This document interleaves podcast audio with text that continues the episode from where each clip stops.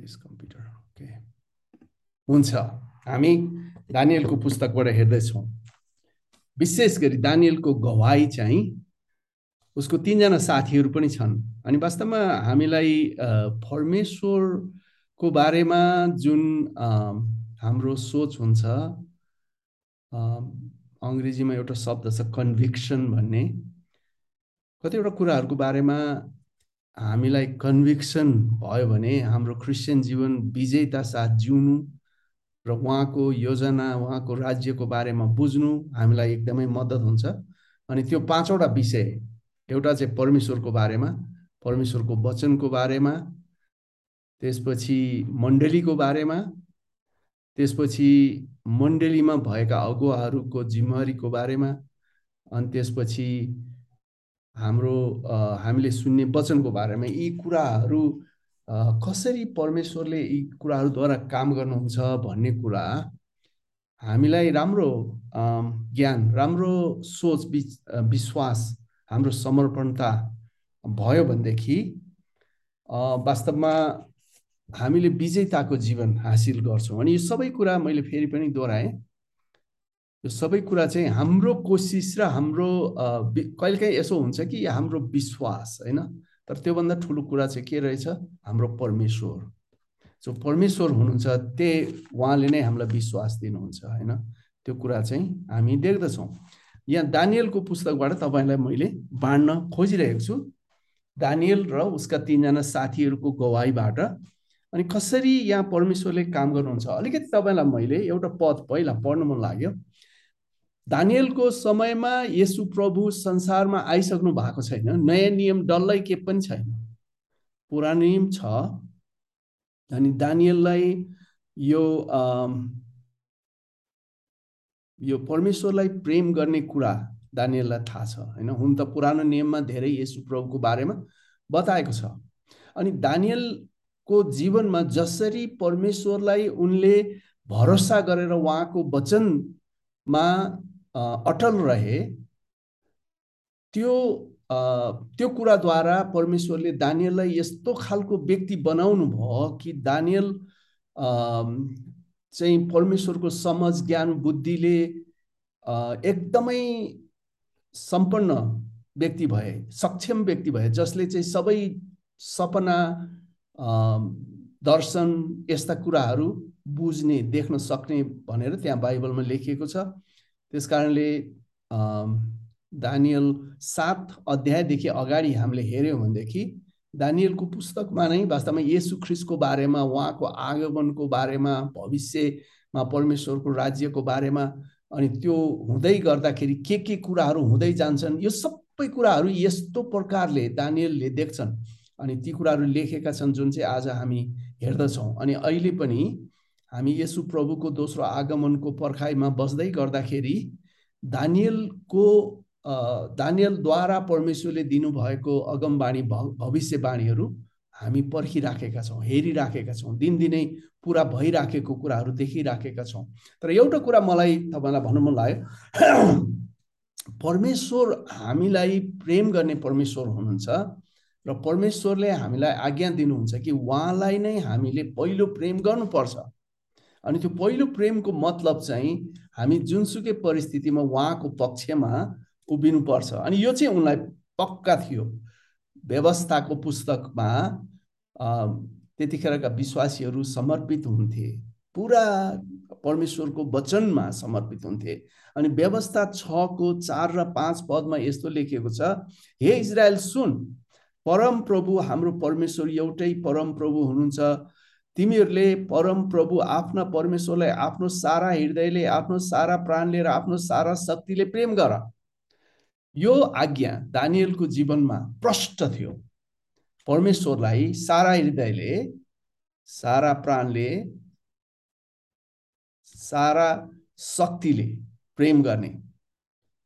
अनि यो कुरो चाहिँ दानियलको जीवनमा एकदमै देखिन्छ। जुनसुकै बखत तपाईँ र म देख्न सक्छौँ। हामीहरू डोबाटोमा उभिएका हुन्छौँ। दुईटा संसार अनि शारीरिक रूपमा संसारिक रूपमा विशेष गरी आत्मिकी रूपमा हामीले दुईवटा संसार देख्दछौँ। एउटा चाहिँ परमेश्वरको आत्माद्वारा परमेश्वरको पक्ष अर्को चाहिँ संसार जो चाहिँ अर्कै आत्माद्वारा चलेको हुन्छ। अनि यो दानियलको पुस्तकबाट कसरी यिनीहरू चाहिँ उनीहरूको निर्णय चाहिँ परमेश्वरको आत्माको संसारमा खडा हुने परमेश्वरसँग खडा हुने कुरा उनीहरूको जीवनको गवाईमा हामी देख्दछौँ। अनि यसमा सबभन्दा ठुलो हामीले सिकेको पाठ सिक्ने पाठ भनेको चाहिँ जुन परमेश्वर दानियलले मानेका थिए उहाँ नै सर्वशक्तिमान हुनुहुन्थ्यो र दानियलको जीवन उनको तिनजना साथीहरूको जीवनद्वारा उनीहरूको एकअर्काको सम्बन्ध एकअर्काप्रति समर्पणता यो सबै कुराहरूद्वारा चाहिँ उनीहरूले एउटा हिदन भन्छ अन्य जाति दुष्ट राज्यमा जहाँ चाहिँ सबै सिस्टम दुष्ट छ। अहिले जस्तो हामी बस्ने संसारमा दुष्ट छ। गभर्मेन्टहरू दुष्ट छन् सबै स्वार्थी छन् राजनीति दुष्ट छ धेरै किसिमका कल्चरहरूको दुष्टता छ जुन चाहिँ हामी सहमति हुन सक्दैनौँ। यहाँ चाहिँ त्यो मानिसहरूले एउटा अभियानको रूपमा मानिसहरूको सामाजिक अधिकारको रूपमा मानिराखेको कुरा हुन्छ। जुन चाहिँ हामी परमेश्वरको मान्छेलाई त्यस त्यो त्यो संसार हामी जान सक्दैनौँ। अनि दानियलको जीवनमा यस्तै हामी देख्दछौँ दानियल सद्रक मेजको जीवनमा। तर यो दुईटा संसारको बिचमा यिनीहरूको निर्णय र कसरी यिनीहरू परमेश्वरको पक्षमा उभिन्छन् र पनि यिनीहरू दुःखमा पर्छन्? जरुर त्यसको दण्डमा पर्छन् तर परमेश्वरले उनीहरूलाई उतार्नुहुन्छ ती सबै कुराहरूद्वारा। र त्यतिखेरका दुष्ट राजा जो आफैलाई शक्तिशाली देउता मान्थे अनि दानियल सद्रक मेजक र नेगोको परमेश्वरलाई उनीहरू परमेश्वर मान्न पुग्छन्। वास्तवमा बाइबलमा हामीले हेऱ्यो भने चाहे नुहको दिनमा होस् अब्राहमको दिनमा होस् युसुफको दिनमा होस् अथवा मोसाको समयमा होस् यो दुईवटा संसार सधैँ छ। तपाईँ र मेरो लागि आज पनि यो दुईवटा संसार छ। त्यस कारणले हामीले यो परमेश्वरको पक्षमा हामी खडा भयौँ भने परमेश्वरले हामीलाई साँच्ची नै विजय दिनुहुन्छ भन्ने कुरा हामी यहाँ देख्दछौँ।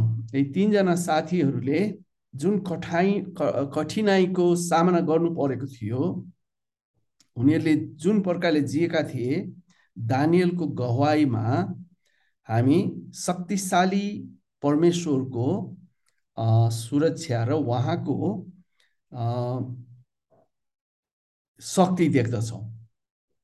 परमेश्वरले जे चाहनुहुन्छ जुनसुकै परिस्थितिमा पनि उहाँको इच्छा पुरा गर्नुहुन्छ। र उहाँको सुरक्षा दिनुहुन्छ भन्ने कुरा चाहिँ हामी त्यहाँ प्रष्ट देख्दछौँ।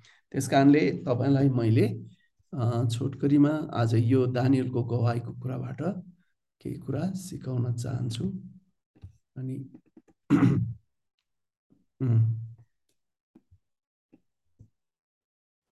तपाईँले देख्नुहुन्छ होला। देख्नुहुन्छ? देखिरहेछ यो screen? Do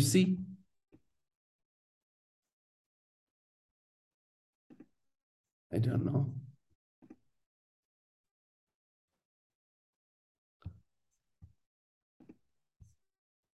अघि पार्सली देखिरहेको थियो। अहिले अक्षर चाहिँ ठुलो भयो जस्तै थियो। अहिले अक्षर ठुलो भएको थियो? कठिनाइका दिनहरूमा कसरी जिउने good good good that's what I कसरी जिउने बारे?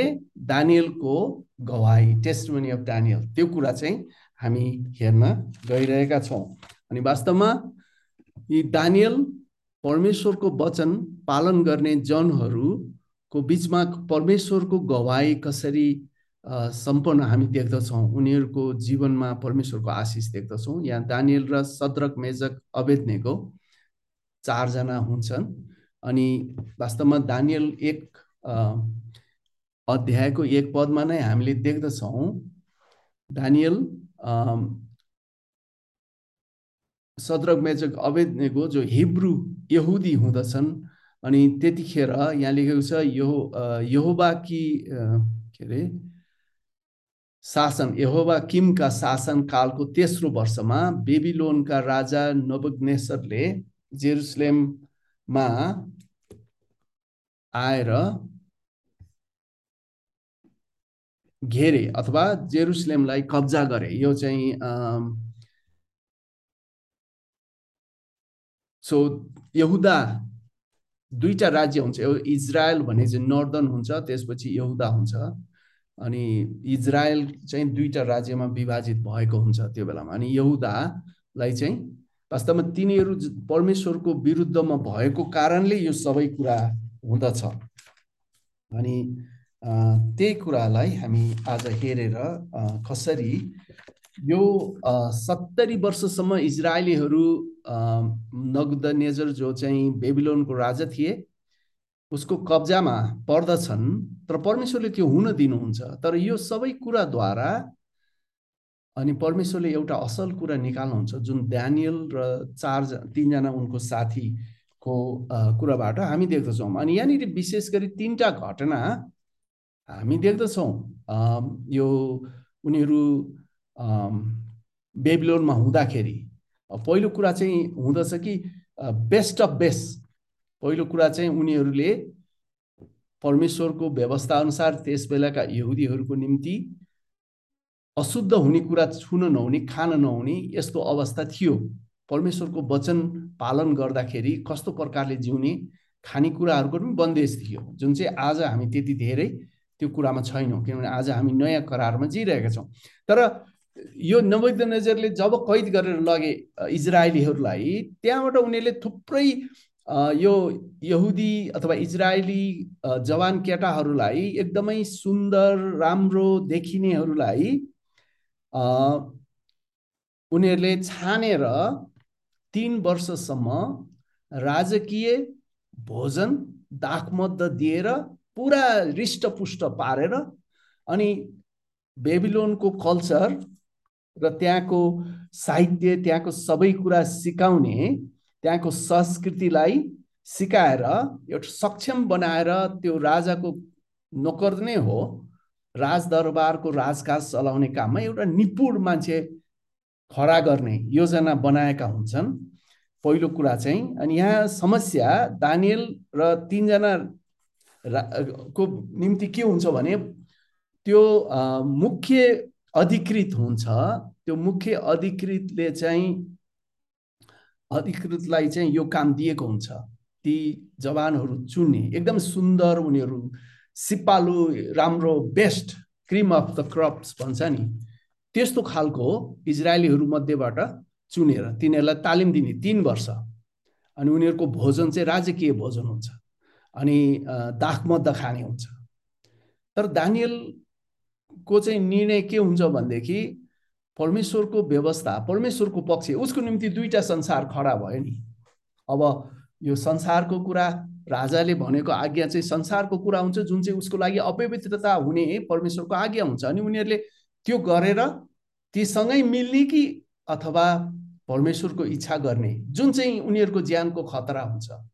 अनि हामी देख्दछौँ कसरी यो परिस्थितिमा परमेश्वरले उसलाई सहायता गर्नुहुन्छ। यो चारवटा कुरा यो दानियलको यो निर्णयले अथवा दानियलको पुस्तकमा हामी देख्दछौँ। पहिलो एकदेखि छ अध्यायसम्मका कुराहरू हामी हेर्दाखेरि अनि पहिलो कुरा चाहिँ हामीले यो पहिलो घटना जो छ त्यसबाट चाहिँ हामी देख्दछौँ जुन चाहिँ यो उनीहरूको भोजनको सम्बन्धमा।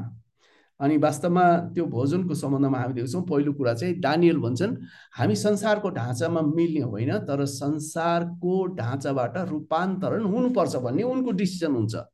अनि चाहे जे भए पनि अनि त्यो कोसिसमा उनीहरू लाग्छन् अनि यहाँ परमेश्वरको वचनमा त्यसको बारेमा प्रश्न गरिएको छ। वास्तवमा उनीहरू हजारौँ माइल टाढा थिए जे खाएको भए तापनि कसैले थाहा पाउने थिएन होला अथवा उनीहरूले भन्न सक्थ्यो अब हामीलाई यो संसारको कुरा कतिचोटि मन लाग्छ अनि परमेश्वरको व्यवस्था भन्दा नि संसारको कुरातिर हामी आकर्षित हुन्छौँ। अनि वास्तवमा बाइबलमा त्यसलाई मन तातो भनेर भन्छन्। मतलब हाम्रो वरिपरिका कुराहरूसँग हामी मिल्न थाल्छौँ संस्कृतिहरूसँग मिल्न थाल्छौँ। तर परमेश्वरमा विश्वास गर्नेहरूको लागि चाहिँ परमेश्वरले निश्चित आज्ञाहरू चाहिँ दिनुहुन्छ। यदि हामी परमेश्वरमा भरोसा गऱ्यौँ भने यद्यपि कतिचोटि त्यसको निम्ति हामीले सतावट पाउनु पनि सक्छौँ दुःख पनि हुनसक्छ तर यदि सही प्रकारले परमेश्वरमा भरोसा गऱ्यौँ भने उहाँको इच्छा गर्नलाई चाहिँ उहाँले उपाय पनि दिनुहुन्छ भन्ने कुरा चाहिँ दानियल सद्रक मेजक अभिनयको जीवनबाट हामी सिक्छौँ। दोस्रो कुरा समर्पित र असल साथीहरू एकअर्काको निम्ति सहयोग र मद्दत गर्छ। यो कुरा चाहिँ यो दानियलको तिनजना साथी र उनीहरूको कुराबाट हामी देख्दछौँ। कसरी दानियलको निर्णयमा अरू तिनजना साथीहरू पनि समर्पित हुन्छन् उनीहरूले एकले अर्कालाई उत्साह दिएर परमेश्वरमा बढ्ने कुरामा परमेश्वरको आज्ञा उहाँको आत्मिकी कुरामा स्थिर हुने कुरामा एकले अर्कालाई सहायता दिएर उत्साह दिएर उनीहरू कसरी परमेश्वरमा एक हुन्छन् त्यो कुराको एउटा उदाहरण हामी देख्दछौँ यो घटनाहरूमा। अनि तेस्रो कुरा चाहिँ विश्वासयोग्य र समर्पित प्रार्थनाले कठिन अवस्थाबाट पार गर्न चाहिँ हामीलाई मद्दत गर्दछ। जुन चाहिँ दानियलको जीवनमा हामी देख्दछौँ त्यसको बारेमा दानियलले परमेश्वरलाई प्रार्थना गरेको तिनचोटिको उदाहरण हामी दिएछौँ। जुन कुराद्वारा त्यही इजरायलीहरूकै ठिटाहरू जो चाहिँ उनीहरू उनीहरू चाहिँ परमेश्वरमा होइन आफ्नै स्वार्थमा थिए र दानियल र तिनजना साथीहरूप्रति उनीहरू चाहिँ के भन्छ जेलस डाहाई थिए। अनि उनीहरूलाई उनीहरू चाहिँ अब इमान्दार एकदमै समर्पित हार्डवर्किङ के भन्छ कठिन मेहनत गर्ने भएको हुनाले चाहिँ उनीहरूलाई चाहिँ उन्नति भइराखेको हुन्थ्यो। उनीहरूलाई आदर भइराखेको हुन्थ्यो। उनीहरू परमेश्वरलाई आफ्नो जीवनमा पहिलो स्थान दिने हुनाले परमेश्वरले उनीहरूलाई उन्नतिमा ल्याएका थिए। परमेश्वरको निगाह उनीहरूमा थियो। तर ती अरू मानिसहरू चाहिँ यिनीहरूप्रति दाहक भएको कारणले सबै घटनामा यी अरू मान्छेले चलाएको कपटद्वारा युक्तिद्वारा चाहिँ अनि त्यतिखेरको राजा नेबुक्त नेजर पछि पहिला पछि तारा राजा यिनीहरूको यिनीहरूद्वारा चाहिँ यिनीहरूलाई यो दण्डमा ल्याउँदछ तर ती दण्ड भएर पनि परमेश्वरमा उनीहरूको गवाई परमेश्वरको शक्ति हामी देख्दछौँ। चौथो पोइन्ट चाहिँ सबै संसार परमेश्वरको हातमा सुरक्षित र उहाँको अधीनमा छ। भन्ने कुरा चाहिँ यिनीहरूको जीवनबाट हामी देख्दछौँ। अनि त्यो मलाई जहिले पनि याद आउँछ यो अङ्ग्रेजी नानीहरूलाई सन्डे स्कुलमा जाउने गाउने गीत he's got the whole world in his hand वास्तवमा he's got the whole world in his hand त्यो एउटा सानो कोरस यति महत्त्वपूर्ण छ। परमेश्वर जो सर्वशक्तिमान अल्फा र अमेगा अनन्तका हुनुहुन्छ उहाँमा नै सबै संसार उहाँको अधीनमा उहाँलाई जे इच्छा लाग्यो त्यो उहाँले गर्नुहुन्छ।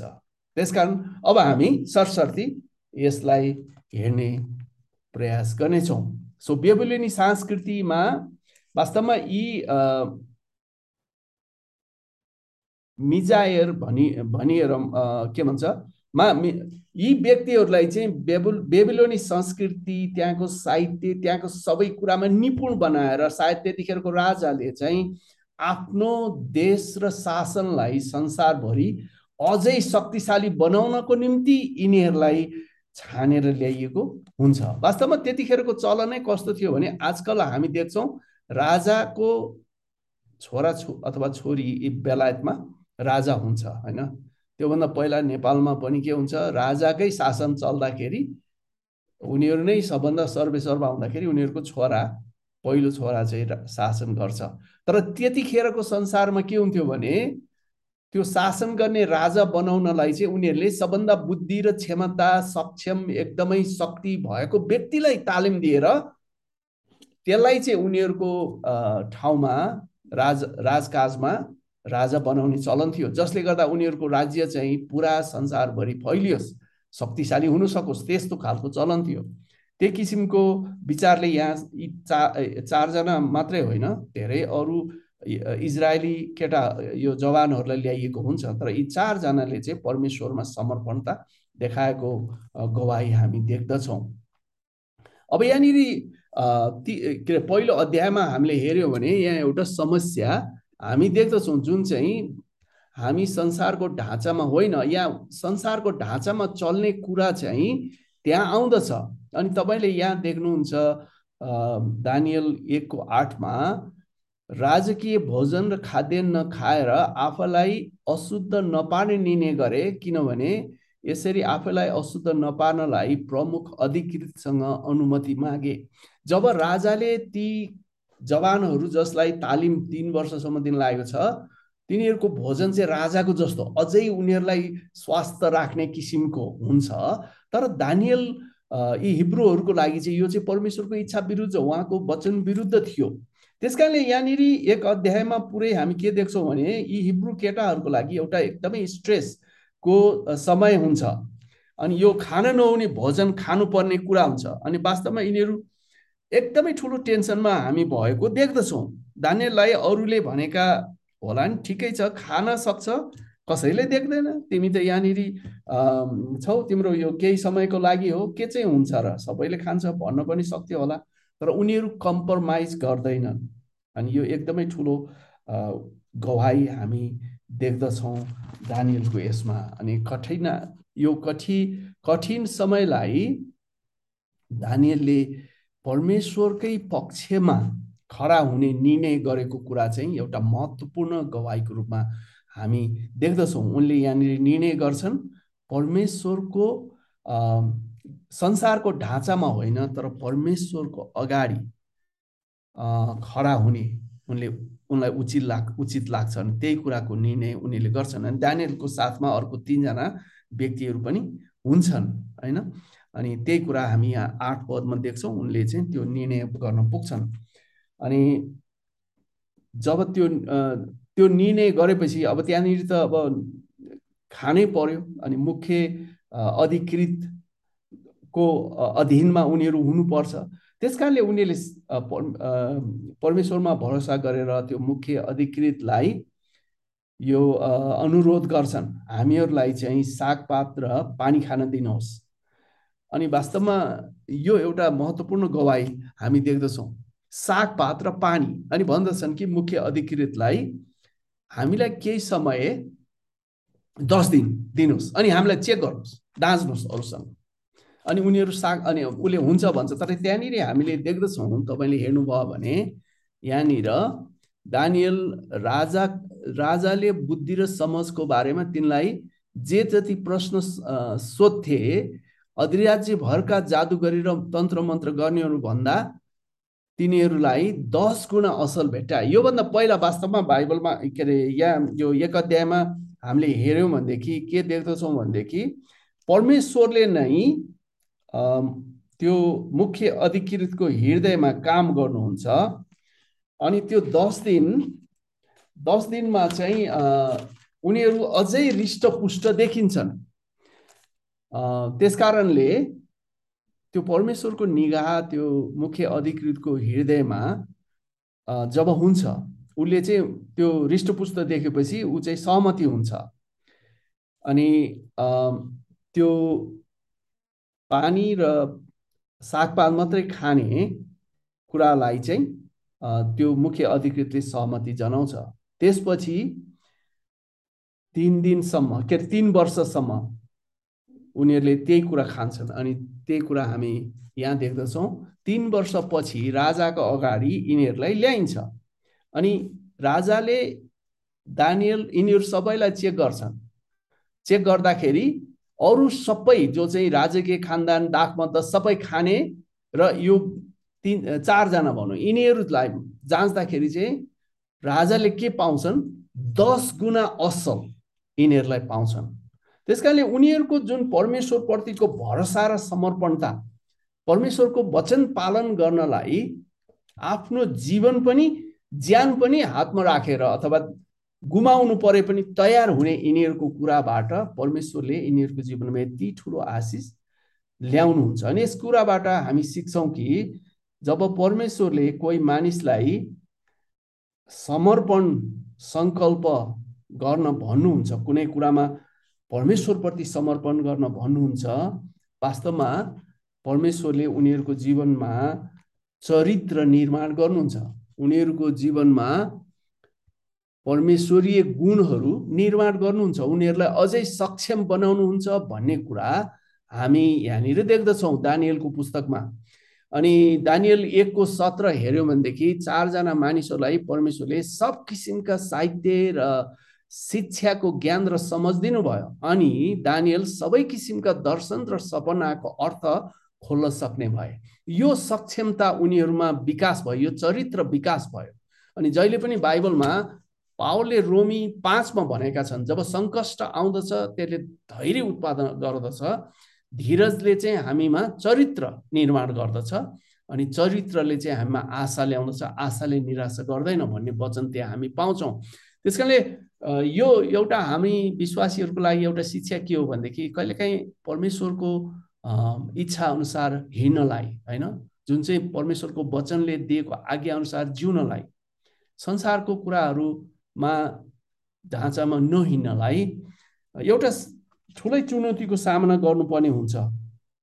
तर जब हामी परमेश्वरको पक्षमा खडा हुन्छौँ परमेश्वरले हाम्रो जीवनमा चरित्र विकास गर्नुहुन्छ। त्यो कुरो हामी यहाँ देख्दछौँ है? त्यसैले यहाँनिर दानियल र सद्रक मेजक अवैध नगुको जीवनमा परमेश्वरले सुरक्षा ल्याउनुहुन्छ अनि राजाको मुख पनि बन्द गरिदिनुहुन्छ समझलाई पनि बदलिदिनुहुन्छ अनि दानियलले चाहिँ परमेश्वर के अरे अदृश्य कुराहरू दर्शनहरू सपनाहरूको अर्थ खोल्न सक्ने उनी बुद्धिमान हुँदछन्। एक्काइस पदमा लेखेको छ। अनि त्यो समझ र बुद्धिमत्ताका साथ यद्यपि उनीहरू बेबिलोनको सिस्टममा कति पनि जाँदैनन् त्यो ढाँचामा जाँदैनन् त्यसो गर्दा उनीहरूलाई समस्या हुनुपर्ने। तर परमेश्वरले उनीहरूको निर्णयको कदर गरेर अनि ती राजाहरूको विचारलाई नै बदलिदिनुहुन्छ त्यहाँ निगाह दिनुहुन्छ।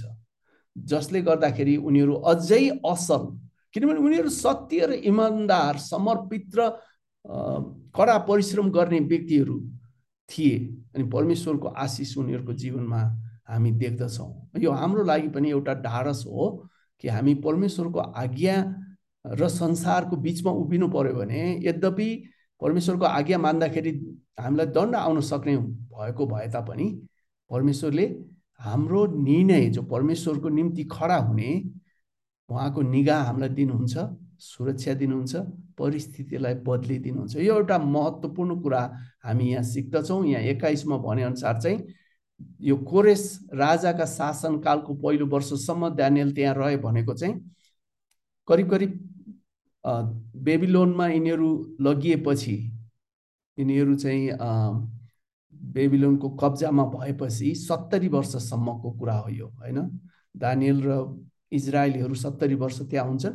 अनि यति वर्षसम्म यो कोरेस राजा थुप्रै राजाहरूको कालमा चाहिँ उनीहरू त्यहाँ रहन्छन् र उनीहरू अझै उन्नति र प्रगति हुन्छ। अनि हामीलाई थाहा छ बाइबलमा याकुबको छोरा योसेफ जो बेचिएका हुन्छन् अनि मिश्र देशमा कसरी उनी दोस्रो नम्बरमा पुग्छन्। उनको जीवनमा पनि कसरी परमेश्वरले आशिष ल्याउनुहुन्छ? तर उसको जीवनमा हामीले हेऱ्यौँ भने परमेश्वरको पवित्रता उहाँको वचनप्रति उनीहरू समर्पित भएको कुरा हामी देख्दछौँ। त्यसैले इजरायलीहरूको सुरक्षा मात्र होइन दानियल सद्रक मेजकको अवि उनीहरूको विश्वास र परमेश्वरप्रतिको समर्ता समर्पणताले अर्को एउटा कुरा पनि त्यहाँ ल्याएको छ त्यो चाहिँ अन्य जातिहरूको जीवनमा पनि यिनीहरूबाट ठुलो इन्फ्लुएन्स आत्मिकी प्रभाव र परमेश्वरको गवाई यति जीवित प्रकारले आएको थियो कि अन्य जाति दुष्ट राजाले पनि इजरायलको परमेश्वर अथवा दानियलको परमेश्वरलाई नै सर्वोच्च परमेश्वर भनेर मानिलिएको कुरा हामी यहाँ देख्दछौँ दानियलको पुस्तकमा। अनि कति उत्साहको कुरा। कि हाम्रो परमेश्वर जो हुनुहुन्छ उहाँको चाह उहाँको इच्छा उहाँले गर्न चाहनु भएको कुरा कसैले बदल्न सक्दैन। हाम्रो विश्वासमा परमेश्वरप्रतिको विश्वासमा हामीलाई यसले उत्साह दिन्छ। किनभने पहिलो शब्द अन्तिम शब्द भन्ने उहाँ नै हुनुहुन्छ। सबै कुरो उहाँको इच्छा बिना केही हुन सक्दैन। तपाईँ र म हाम्रो जीवनको कुरामा पनि हरेक दिन कठिनाइको सामना गर्दछौँ। हामीले जुन आधारमा ती समयहरूमा निर्णय लिन्छौँ। हामी दुई संसारमध्ये एउटा संसारलाई रोज्ने गर्छौँ होइन? हामी बाइबलीय सत्यतामा खडा भएर परमेश्वरको पक्षमा खडा हुन्छौँ भनेदेखि चाहिँ परमेश्वरको वरिपरिका हाम्रो वरिपरिका संसारसँग हामी कम्प्रोमाइज सम्झौता गर्दैनौँ अनि त्यसले चाहिँ हामीलाई अघि एक यहाँनिर हामीले हेरेको हो अनि त्यो चाहिँ संसारको ढाँचामा नमिलेर तर हाम्रो आत्मिकी रूपमा भित्रदेखि बाहिरसम्म रूपान्तरण भएर जिउने कुरा जब हामी गर्दछौँ हामीले परमेश्वरको आशिषको अनुभव गर्दछौँ र संसारको मानिसहरूले पनि परमेश्वरलाई विश्वास गरेको कुरा हामी यहाँनिर देख्दछौँ। अनि त्यो कुरा वास्तवमा यहाँ रोमी बाह्रको दुईमा पनि लेखिएको छ यस संसारको ढाँचामा नचल तर आफ्नो मनमा नयाँ भए पूर्ण रूपले परिवर्तन हो र परमेश्वरको असल ग्रहण योग्य र सिद्ध इच्छा के हो तिमीहरूले जाँच्न सक। अनि वास्तवमा परमेश्वरको सिद्ध इच्छा जाँचेर त्यसमा खडा हुँदाखेरि चाहिँ परमेश्वरले हामीलाई सफलताको नै जीवन दिनुहुन्छ भन्ने कुरा हामी यहाँ देख् देख्दछौँ। परमेश्वरलाई उचाल्ने अवसर हामीले लियौँ भनेदेखि चाहिँ हाम्रो जीवनमा परमेश्वरले हामीलाई उचाल्नुहुन्छ किनभने परमेश्वर सफल हुनुहुन्छ। एउटै कुरा हो कि हामीले परमेश्वरको अगाडि जहिले पनि उहाँको इच्छा चाहिँ के हो भनेर बुझ्नु पर्ने हुन्छ। तर जब हामी उहाँको इच्छा थाहा हुन्छ संसारको ढाँचामा नलागेर हाम्रो परमेश्वरको पक्षमा खडा भयौँ भने कठिनाइ परिस्थितिमा पनि परमेश्वरले हामीमा चरित्र विकास गर्नुहुन्छ। हामीमा परमेश्वरीय कुराहरू विकास गर्नुहुन्छ। अनि बाइबलमा भनेको छ त्यस्ता व्यक्तिहरू चाहिँ परमेश्वरमा के अरे तारा चाहिँ चम्कन्छौ भनेर बाइबलमा लेखिन्छ। जसले धार्मिकतामा मानिसहरूलाई डोर्याउन सक्छ उनीहरू तारा चाहिँ चम्किन्छन्। अनि यो कुरा चाहिँ एकदम महत्त्वपूर्ण छ। वास्तवमा हाम्रो चरित्र विश्वास परमेश्वरले नै बनाउनुहुन्छ। जबसम्म परमेश्वरको आत्मा अनुग्रह तपाईँ र ममा काम गर्नुहुन्न हामीमा ईश्वरीय स्वभाव बन्न सक्दैन। हाम्रो चरित्रको विकास होइन क्रिस्चियन जीवन भनेको चाहिँ एउटा येसुको स्वरूपमा बदलिँदै जाने जीवन हो। Ultimate goal of every believer हरेक विश्वासीको अन्तिम कुरा हुनुपर्ने। हामी त्यो बाटोमा हिँड्दैछौँ। यद्यपि हाम्रो आफ्नो जीवन छ घर चाहिएको छ होइन छोराछोरी चाहिएको छ श्रीमतीबाट। अनि परिवार अनि यो संसारमा सबै कुरा चाहिन्छ होइन? कहिलेकाहीँ जो संसारको कुराहरू छ जिउने दिन दिन तर त्यो त एउटा दिन काट्ने कुरा मात्रै हो वास्तवमा। वास्तवमा परमेश्वरको उहाँले तयार गर्नुभएको योजनाभित्र चाहिँ के हो भने तपाईँ र म यसो जस्तो हुने। अनि आउनेवाला संसारमा हामी उहाँको महिमामा सहभागी हुने। अनि यो सबै कुरा चाहिँ कहिलेकाहीँ अप्ठ्यारो परिस्थितिद्वारा कहिलेकाहीँ विभिन्न किसिमको कुराद्वारा परमेश्वरले हामीलाई विकास गर्दै जानुहुन्छ यसुको शरीरमा। अनि पहिलो दोस्रो कोरन्थी तिनको अठारमा लेख अठारमा छ हामीलाई एउटा महिमादेखि अर्को महिमामा उहाँले सार्नुहुन्छ। त्यस कारणले परमेश्वरको इच्छा जे छ उहाँको वचन जे छ त्यसमा खडा हुँदाखेरि परमेश्वरले नै हामीलाई कसरी ती मानिसहरू जो चाहिँ हाम्रो विरुद्धमा हुन्छन्। उनीहरूको बिचमा कसरी खडा हुने? यो दानियल सदरक मेजक अभिज्ञको कोहीसँग विवाद पनि गरेका छैनन्। तर यिनीहरूको जीवनमा परमेश्वरको प्रेम परमेश्वरप्रतिको समर्पणता त्यहाँको परिस्थितिलाई परिवर्तन गरिदिएको हामी देख्दछौँ। अनि एकदमै ठुलो यो दानियलको पुस्तक चाहिँ एउटा अचम्मको पुस्तक। अनि हामीले धेरै कुरा यहाँबाट सिक्छौँ। यस संसारको ढाँचामा नचल्ने कुरा सम्बन्धीमा होइन? अनि परमेश्वरमा नयाँ भई परिवर्तन भई जिउने कुरा जो परमेश्वरले हामीलाई गर्नुहुन्छ। दानियलको गवाईको पहिलो कुरा चाहिँ यो हो। दोस्रो गवाईको कुरा हामी हेर्दै गर्दा दानियल र उनको तिनजना साथीहरूको जीवनबाट हामी के देख्छौँ भनेदेखि दोस्रो गवाई समर्पित। यहाँ भन्नुपर्ने परमेश्वरमा समर्पित असल साथीहरू एकअर्काको निम्ति सहयोग र मद्दत गर्दछन्। हामीहरू जो विश्वासीहरू छौँ हाम्रो मण्डलीमा हामी सहभागी हुन्छौँ। वास्तवमा बाइबलमा मण्डली भनेको यसुको शरीर हामी एकअर्कालाई पवित्र आत्माको एकतामा शान्तिको बन्धनमा एक हुनुपर्छ भनिएको छ। शरीरको काम चाहिँ एकअर्कालाई मद्दत गरेर परमेश्वरको धार्मिकतामा एकअर्का मिलेर बढ्ने उहाँको महिमा प्रकट गर्ने कुरा हो। अनि यो चाहिँ यिनीहरू चारजनाको एउटै मन परमेश्वरको व्यवस्थाको बारेमा परमेश्वरप्रति समर्पित हुने बारेमा मानिसहरूको बिचमा आफ्नो परमेश्वरको अस्तित्वलाई प्रकट गर्ने बारेमा यिनीहरू एक हुन्छन् एकले अर्कालाई सहायता गर्छन् अनि त्यो कुरो अर्को हामीले सिक्दछौँ। अनि बेबी लोनमा दानियल एक्लै थिएनन् त्यहाँ सत्रक मेजक अवेद्नेको पनि साथमा थिए। उनीहरू पनि बेबिलोनमा एकै किसिमका समर्पणतामा थिए। एकअर्काको निम्ति सहयोग र सङ्गति उनीहरूले गर्थे। सायद एकअर्काको लागि प्रार्थना गरे। उनीहरू एकले अर्काको कठिनाइलाई बाँड्ने उत्साह दिन्थे र एकअर्काको सङ्गतिले उनीहरूलाई परमेश्वरको व्यवस्थामा खडा हुनलाई मद्दत गरेको थियो। आफ्नो जीवनमा परमेश्वरको उद्देश्य निरन्तर त्यो उद्देश्यमा बढ्न चाहिँ उनीहरू एकअर्काबाट बल मिलेको थियो होइन? उत्साह मिलेको थियो। उनीहरू ज्ञानी असल भएकाले उनीहरू एकअर्कामा डाह गर्ने होइन तर डाह गर्नेहरूको विरुद्धमा उनीहरू सही प्रकारले उभिन तयार भए। परमेश्वरले गरेको योजना उनीहरूको जीवनमा पुरा हुनलाई मद्दत भयो। उनीहरूले नै नेबुक्त नेजर राजाको अब यहाँनिर फेरि अर्को कुरा आउँदछ। नेबुकदेनेजर राजाको मूर्ति बनाएर जो मान्छे चाहिँ विरोधीहरू थिए यिनीहरू असल देखेर यिनीहरूको सबै उन्नति देखेर उनीहरू फेरि दुःख दिन त्यहाँ लागेको छ अनि त्यसपछि त्यहाँ अर्को कुरा सुरु हुँदछ। तपाईँलाई थाहा छ दोस्रो घटना यहाँ हुँदछ। पहिलो चाहिँ उनीहरूको खानाबाट भएको थियो भने दोस्रो चाहिँ अब रियल टेस्ट आउँदछ।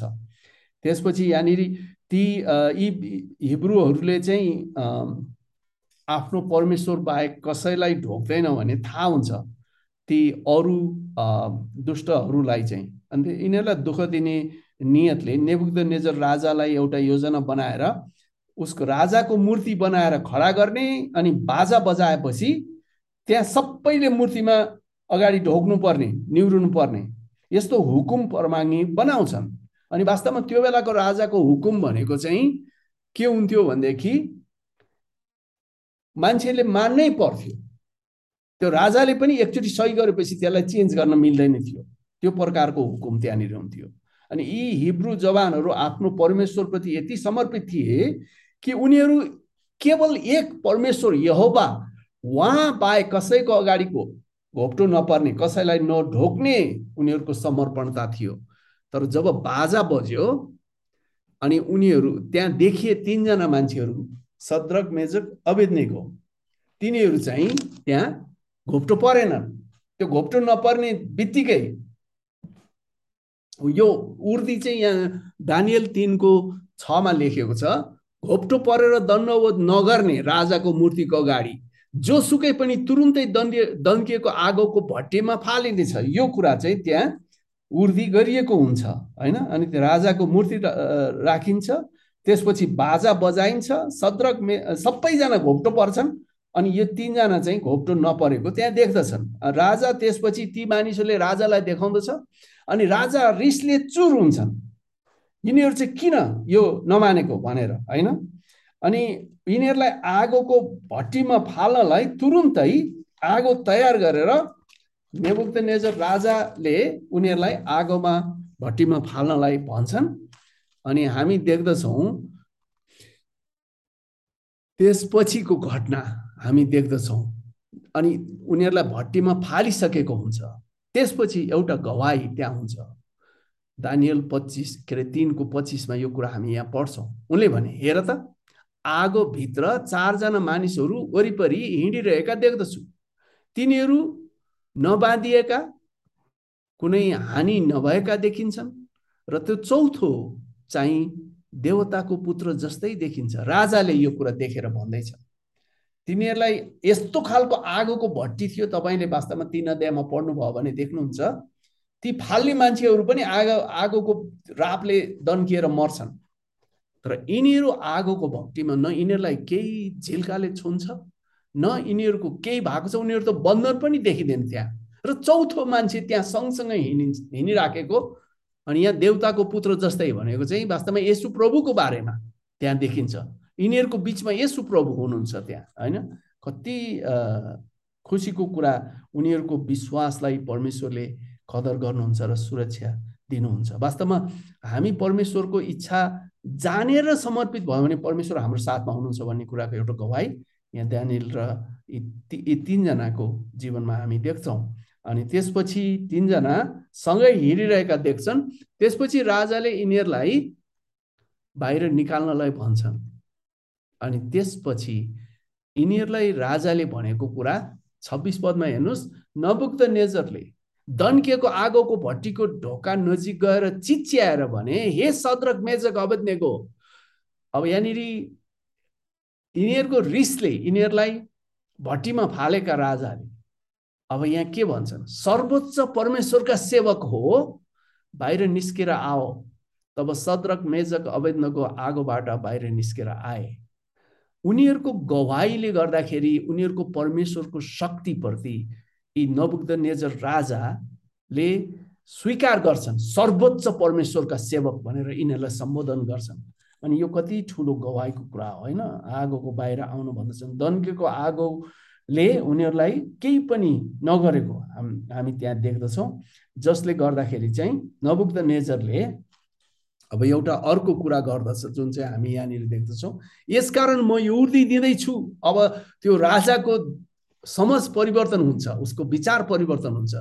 कुनै पनि जातिका वा कुनै पनि भाषा बोल्ने मानिसहरूले सद्रक मेजक र अवैध नगरका परमेश्वरको विरुद्धमा केही भन्छन् भने उनीहरू टुक्रा टुक्रा पारी काटिने छन् र उनीहरूका घर उजाड पारिने छन् किनभने यसरी कुनै पनि अर्को देवले बचाउन सक्दैन। कति ठुलो गवाई यहाँसम्म कि यो दुष्ट राजाले पनि यो परमेश्वरलाई चिन के भन्छ स्वीकार गर्न सक्ने सम्मको यो गवाई यिनीहरूको जीवनमा हामी देख्दछौँ। त्यसैले परमेश्वरका जनहरूमा परमेश्वरको शक्ति साँच्ची नै हुन्छ। हाम्रो गवाईले संसारका दुष्टहरू परिवर्तन हुन्छन्। त्यो कुरा हामी यहाँ देख्दछौँ। अनि यी तिनजना विश्वास तिनजनाको विश्वासयोग्यताले अनि धानियललाई पनि उत्साह दिएको हामी देख्दछौँ। यसै प्रकारले तपाईँ र मलाई परमेश्वरमा समर्पित र धर्मी साथीहरू छ भनेदेखि हामीलाई पनि सम्झौता नगरेर सत्यतामा परमेश्वरको पक्षमा समर्पित भएर उठ्न उहाँको आज्ञा र उद्देश्यप्रति सधैँ लागिरहनलाई मद्दत गर्दछ। अनि त्यो कुरो हामी यहाँ देख्दछौँ। अनि वास्तवमा असल साथीहरू हुनु असल कुरा हो।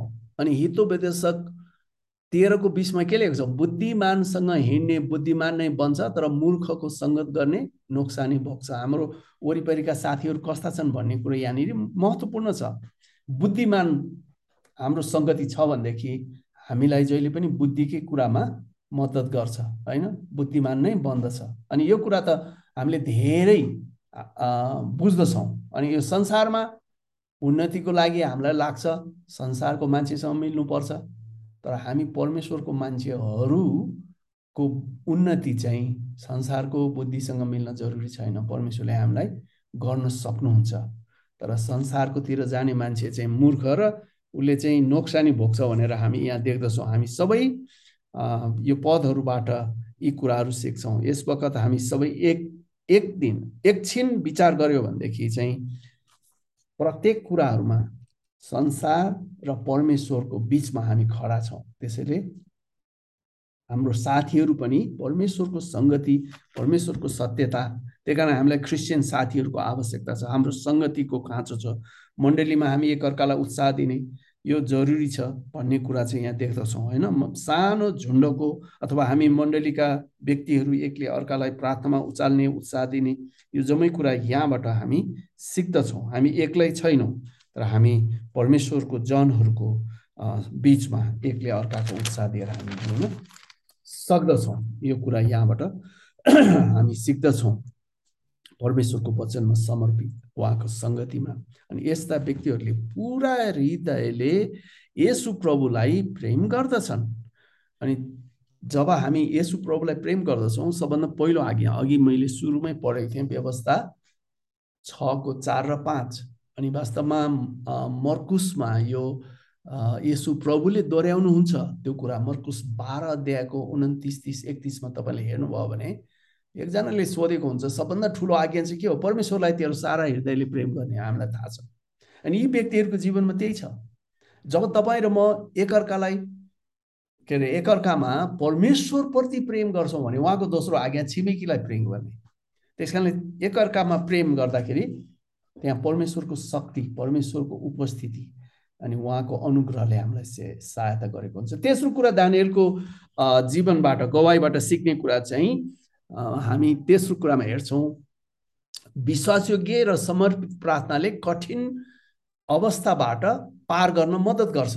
त्यो कुरो चाहिँ यी चारैजनाको जीवनमा तर विशेष गरी दानियलको जीवनमा हामी देख्दछौँ। अब अर्को घडी यो छ अध्याय दानियलमा हामी देख्दछौँ। अनि यहाँ विशेष गरी प्रार्थनाकै विषय छ होइन?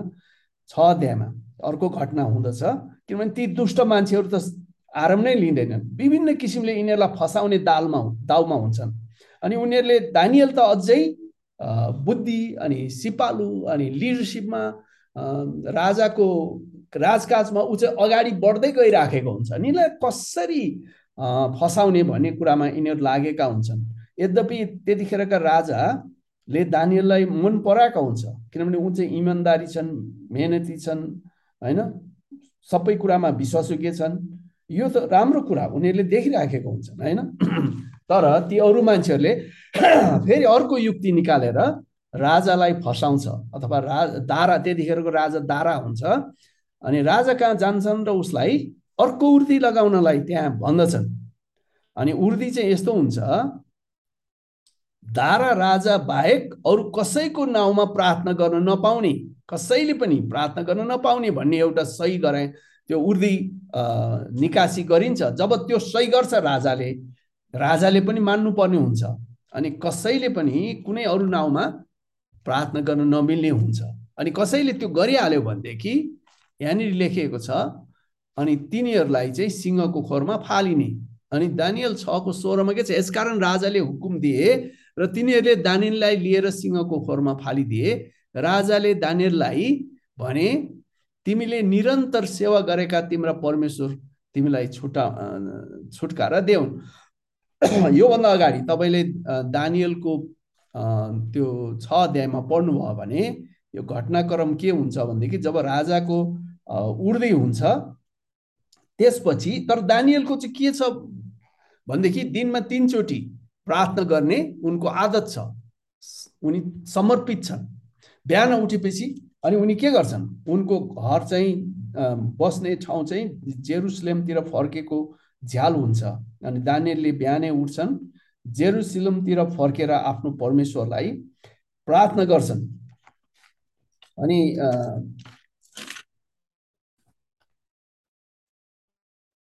अनि त्यो जब त्यो उर्दी हुन्छ वास्तवमा यी मानिसहरू जसले उनको जीवनमा यो युक्ति ल्याउँदछन् तिनीहरूले चाहिँ च्याउ गरिरहेको हुन्छन्। किनभने उनीहरूको मुख्य लक्ष्य नै दानियललाई फसाउने हुन्छ।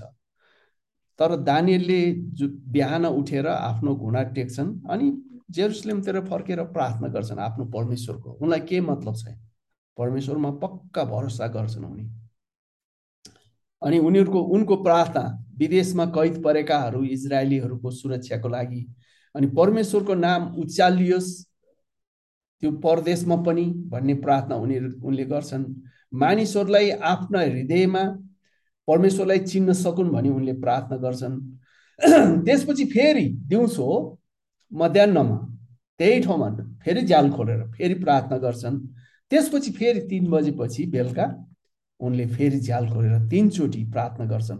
ती दुष्ट मान्छेहरूले चाहिँ राजा त्यो दानियलको यो सबै कुरा च्याउ लागिरहेका हुन्छन् अनि हतार हतार उनी चाहिँ उनीहरू चाहिँ राजालाई त्यसको बारेमा भन्न जाँदछन्। अनि तपाईँको उर्दी चाहिँ यिनीहरूले मानेका छैनन्। अनि दानियललाई सिद्धाउन उनीहरूले चाहन्थे त्यसैले उनीहरूले विचार गरे अब चाहिँ खत्तम भयो। अनि उनलाई उर्दी गर्न लगाइसकेको थियो होइन? अनि त्यो बदलाको मा चाहिँ उनलाई सिंहको खोरमा फालिने होइन? अनि यहाँनिर हामीले यहाँ यो पदमा देख्छौँ धानियललाई सिंहको खोरभित्र राजाले फाल्न लगाए। किनभने उनको हुकुम थियो। तर यहाँनिर दानियल प्रति चाहिँ राजाको अलिक सहानुभूति पनि देखिन्छ तर पनि बचाउन सकेन। त्यसैले उनले भने तिमीले निरन्तर सेवा गरेको तिम्रा परमेश्वरले तिमीलाई छुटकारा देऊ। यो भनाइले के हुन्छ भने दानियल असल थिए र राजाले वास्तवमा दानियललाई नाश गर्न चाहँदैन थिए। किनभने उनी विश्वासयोग्य सत्य बोल्ने एकदमै धर्मी एकदमै असल व्यक्ति थिए। त्यो त्यो प्रभाव राजालाई थियो। यस्तो बुद्धिमान व्यक्ति होइन? त्यस कारण लेखेको छ दानियल के अरे राजा चाहिँ एकदमै चिन्तित थिए। अनि बिहानै उठेर रातभरि सुत्न सक्दैनन् को? दारा राजा। अनि बिहानै उठेर दौडिन्छन् सिंहको खोरतिर। अनि त्यसपछि ढोका खोल्न लाउँछन् अनि भित्र हेर्छन्। अनि दानियल चाहिँ तपाईँले यहाँ हेर्नुभयो भने दानियल चाहिँ आनन्दसँग कुनामा बसिराखेका हुन्छन्। जब उनी सिंहको खोरको नजिक आइपुगे उनले दानियललाई वेदनापूर्ण स्वरमा बोलाए ए दानियल जीवित परमेश्वरका सेवक के? तिमीले निरन्तर सेवा गरेका तिम्रा परमेश्वरले तिमीलाई सिंहहरूबाट बचाउनु भएको छ।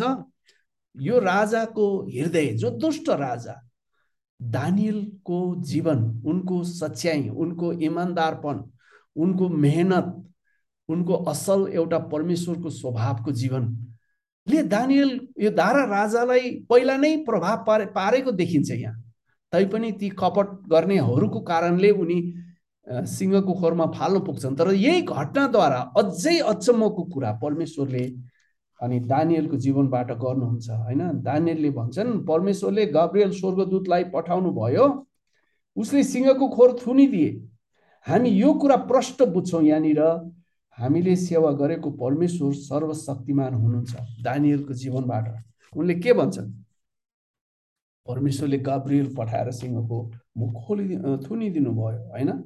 अनि यदि हामी दानियलको यो गवाईबाट बुझ्छौँ कि यदि हामी परमेश्वरमा निरन्तर भरोसा गऱ्यौँ भनेदेखि हामी कहिले पनि संसारमा लज्जित हुनुपर्ने छैन। चाहे जेसुकै होस् हामी चिन्ता गर्नुपर्ने छैन। किन हाम्रो परमेश्वर ती सबै कुराभन्दा माथि हुनुहुन्छ। अनि वास्तवमा सधैँ हामीलाई यो दानियलको गवाई सिंहको खोरमा पनि परमेश्वरले सिंहको मुख थुनिदिनु भएर उनलाई केही नोक्सानी भएन।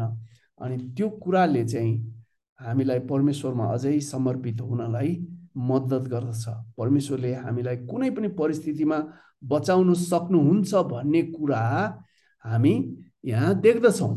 त्यसपछि हामीले छ अध्याय दानियलमा पढ्यौँ भनेदेखि दानियलको गवाई देखे देखेर परमेश्वरसँग समर्पित भएर हिँडेको कुरा देखेर अनि यो दारा राजाको पनि के भन्छ मन परिवर्तन भएको हामी देख्दछौँ। जस्तो सुकै कुरा सामना गर्नु परे पनि सबै उहाँको अधीनमा छ भन्ने कुरा यहाँ देखिन्छ।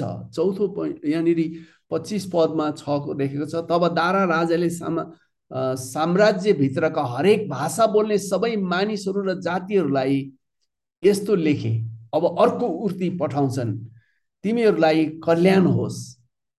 अनि त्यसपछि यहाँ छ यो आदेश जारी गर्छु कि मेरो राज्य भरका मानिसहरूले दानियलका परमेश्वरको भय मान्नु र आदर गर्नुपर्छ किनभने उहाँ जिउँदो परमेश्वर हुनुहुन्छ। उहाँ सधैँभरि रहनुहुन्छ। उहाँको राज्य नष्ट हुने छैन। उहाँको प्रभुत्वको अन्त कहिल्यै हुने छैन। कस्तो गहिरो गवाई दानियलको जीवनमा हामी देख्दछौँ यो कुराले होइन? अनि यहाँ अर्को छको सत्ताइसमा पनि हामी पढ्दछौँ। उहाँ छुटकारा दिनुहुन्छ र बचाउनुहुन्छ। उहाँ स्वर्ग र पृथ्वीमा आश्चर्य कर्महरू गर्नुहुन्छ। उहाँले दानियललाई सिंहको खोरबाट छुटकारा दिनुभएको छ। यो चाहिँ दारा राजाको गवाई भयो। अब होइन? दानियलको विश्वास र परमेश्वरप्रतिको समर्पणता र भरोसाले परमेश्वरले यसरी परिवर्तन गरिदिनु भयो दुष्ट राजाले इजरायलका परमेश्वर नै मुख्य परमेश्वर हुँ सबैले उहाँलाई मान्नुपर्छ भनेर यो गवाई हामी यहाँ देख्दछौँ। अब चौथो र अन्तिम पोइन्ट भनेर म सिधाउन चाहन्छु यहाँ के छ? सबै संसार परमेश्वरको हातमा छ र सुरक्षित छ उहाँको अधीनमा छ। यो चारवटा पोइन्ट हामीले जुन हेरिरहेको छौँ दानियल सत्रक मेजक र अवेदनेको परमेश्वरप्रतिको विश्वास र परमेश्वरको साइडमा खडा हुने जीवन तपाईँ र मलाई एउटा कुरा सिकाउँछ अनि हामीलाई कहिलेकाहीँ मानिसहरूको अगाडि उभिन गाह्रो हुन्छ किनभने उनीहरूले हामीलाई दुःख दिन सक्छ। संसारको सिस्टम संसारको शासन हामीलाई दुःख दिन्छ तर परमेश्वरले हामीलाई सुरक्षा दिन सक्नुहुन्छ। किनभनेदेखि सारा संसार परमेश्वरको अधीनमा छ। उहाँको इच्छा बिना केही कुरा हुन सक्दैन। त्यस कारण हामी सधैँ सुरक्षित छौँ। सर्वशक्तिमान परमेश्वरलाई भरोसा गर्न सक्छौँ। अनि हाम्रो परमेश्वरप्रतिको भरोसामा भएको जीवनले चाहिँ संसारमा मानिसहरू जो दुष्ट छन् परमेश्वरलाई चिन्दैन तिनीहरूले पनि उहाँलाई चिन्ने मौका पाउँछन् भन्ने कुरा हामी यहाँ देख्दछौँ। किनभने अन्य जातिको राजाहरूलेसम्म त्यहाँ जेहोबा जेहोबा नै परमेश्वर हुन् भन्ने कुरा बुझेको हामी देख्दछौँ। अनि दानियलको पुस्तकमा अरू धेरै कुराहरू हामी सिक्छौँ तर यहाँनिर तपाईँलाई छोटकरी एउटा दानियलको गवाईको हिसाबले तपाईँलाई मैले भन्नु खोजेको। उनले विश्वास गरे कि परमेश्वरले नै इतिहास बनाउनुहुन्छ परमेश्वरले नै सबै कुरा आफ्नो पक्षमा उद्देश्य पुरा गर्न प्रयोग गर्नुहुन्छ। अनि परमेश्वरले परमेश्वरमा नै हामी आशा गर्न सक्छौँ अनि परमेश्वर सर्वशक्तिमान हुनुहुन्छ भन्ने कुराको गवाई यहाँ दिएको हामी देख्दछौँ। त्यस कारणले परमेश्वरमा हामी पूर्ण रूपमा भरोसा गर्न सक्दछौँ। त्यसैले बाइबलमा एउटा पद छ रोमी आठको अठाइस धेरैचोटि मान्छेले पढ्ने गर्छन् विभिन्न दुःख परेको बेलामा। तर त्यसको यो पनि अर्थ लाग्छ। दानियल सद्रक मेजक अवेदनको जीवनमा यति ठुलो घटना आयो। उनीहरू अन्य जाति एउटा बेबिलोनको राजा दुष्ट राजाको अधीनमा पुग्छन्।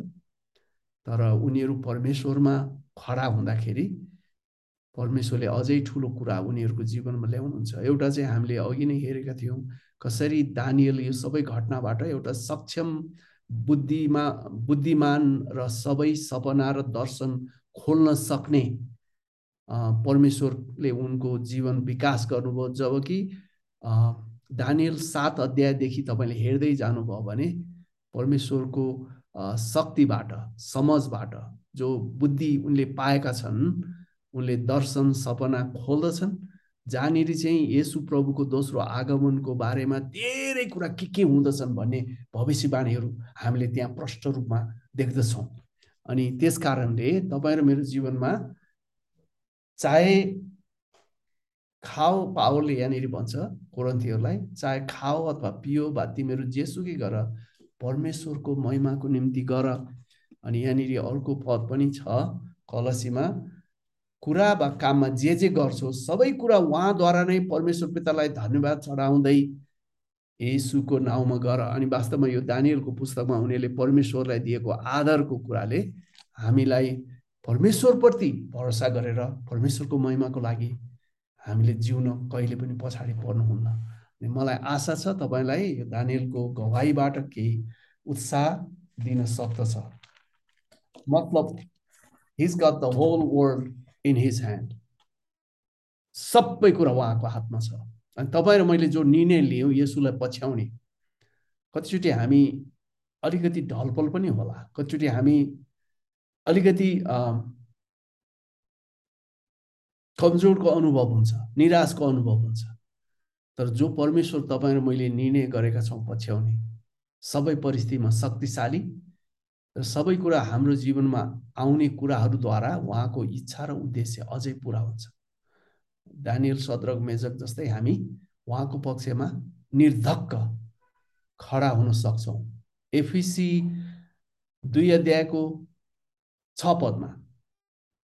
ख्रिससँगै जी उठाइएकाहरू स्वर्गीय स्थानमा बसालिएका हुन्छन् यसुसँगै। आत्मामा जसै यसुको लोकेसन उहाँ बौरी उठेर स्वर्ग जानु भएपछि परमेश्वरको दाहिने बाहुलीपट्टि छ। वास्तवमा तपाईँ र म जब उहाँमा सुम्पिन्छौँ हाम्रो जीवन हामीलाई यसुसँगै स्वर्गीय स्थानमा बसालिएको छ। सबै क्रिस्चियनहरू चाहिँ वास्तवमा त्यहाँ बसेर बस्ने स्थिति भनेको चाहिँ एउटा सुरक्षित आरामदायी निश्चिन्त रहने ठाउँ हो। त्यो परमेश्वरको शक्ति र विजयतामा हामीलाई यही विश्वास दिउँ हरेक दिन जिउँदाखेरि अनि परमेश्वरको महिमा हाम्रो जीवनबाट हुन सकेको होस्।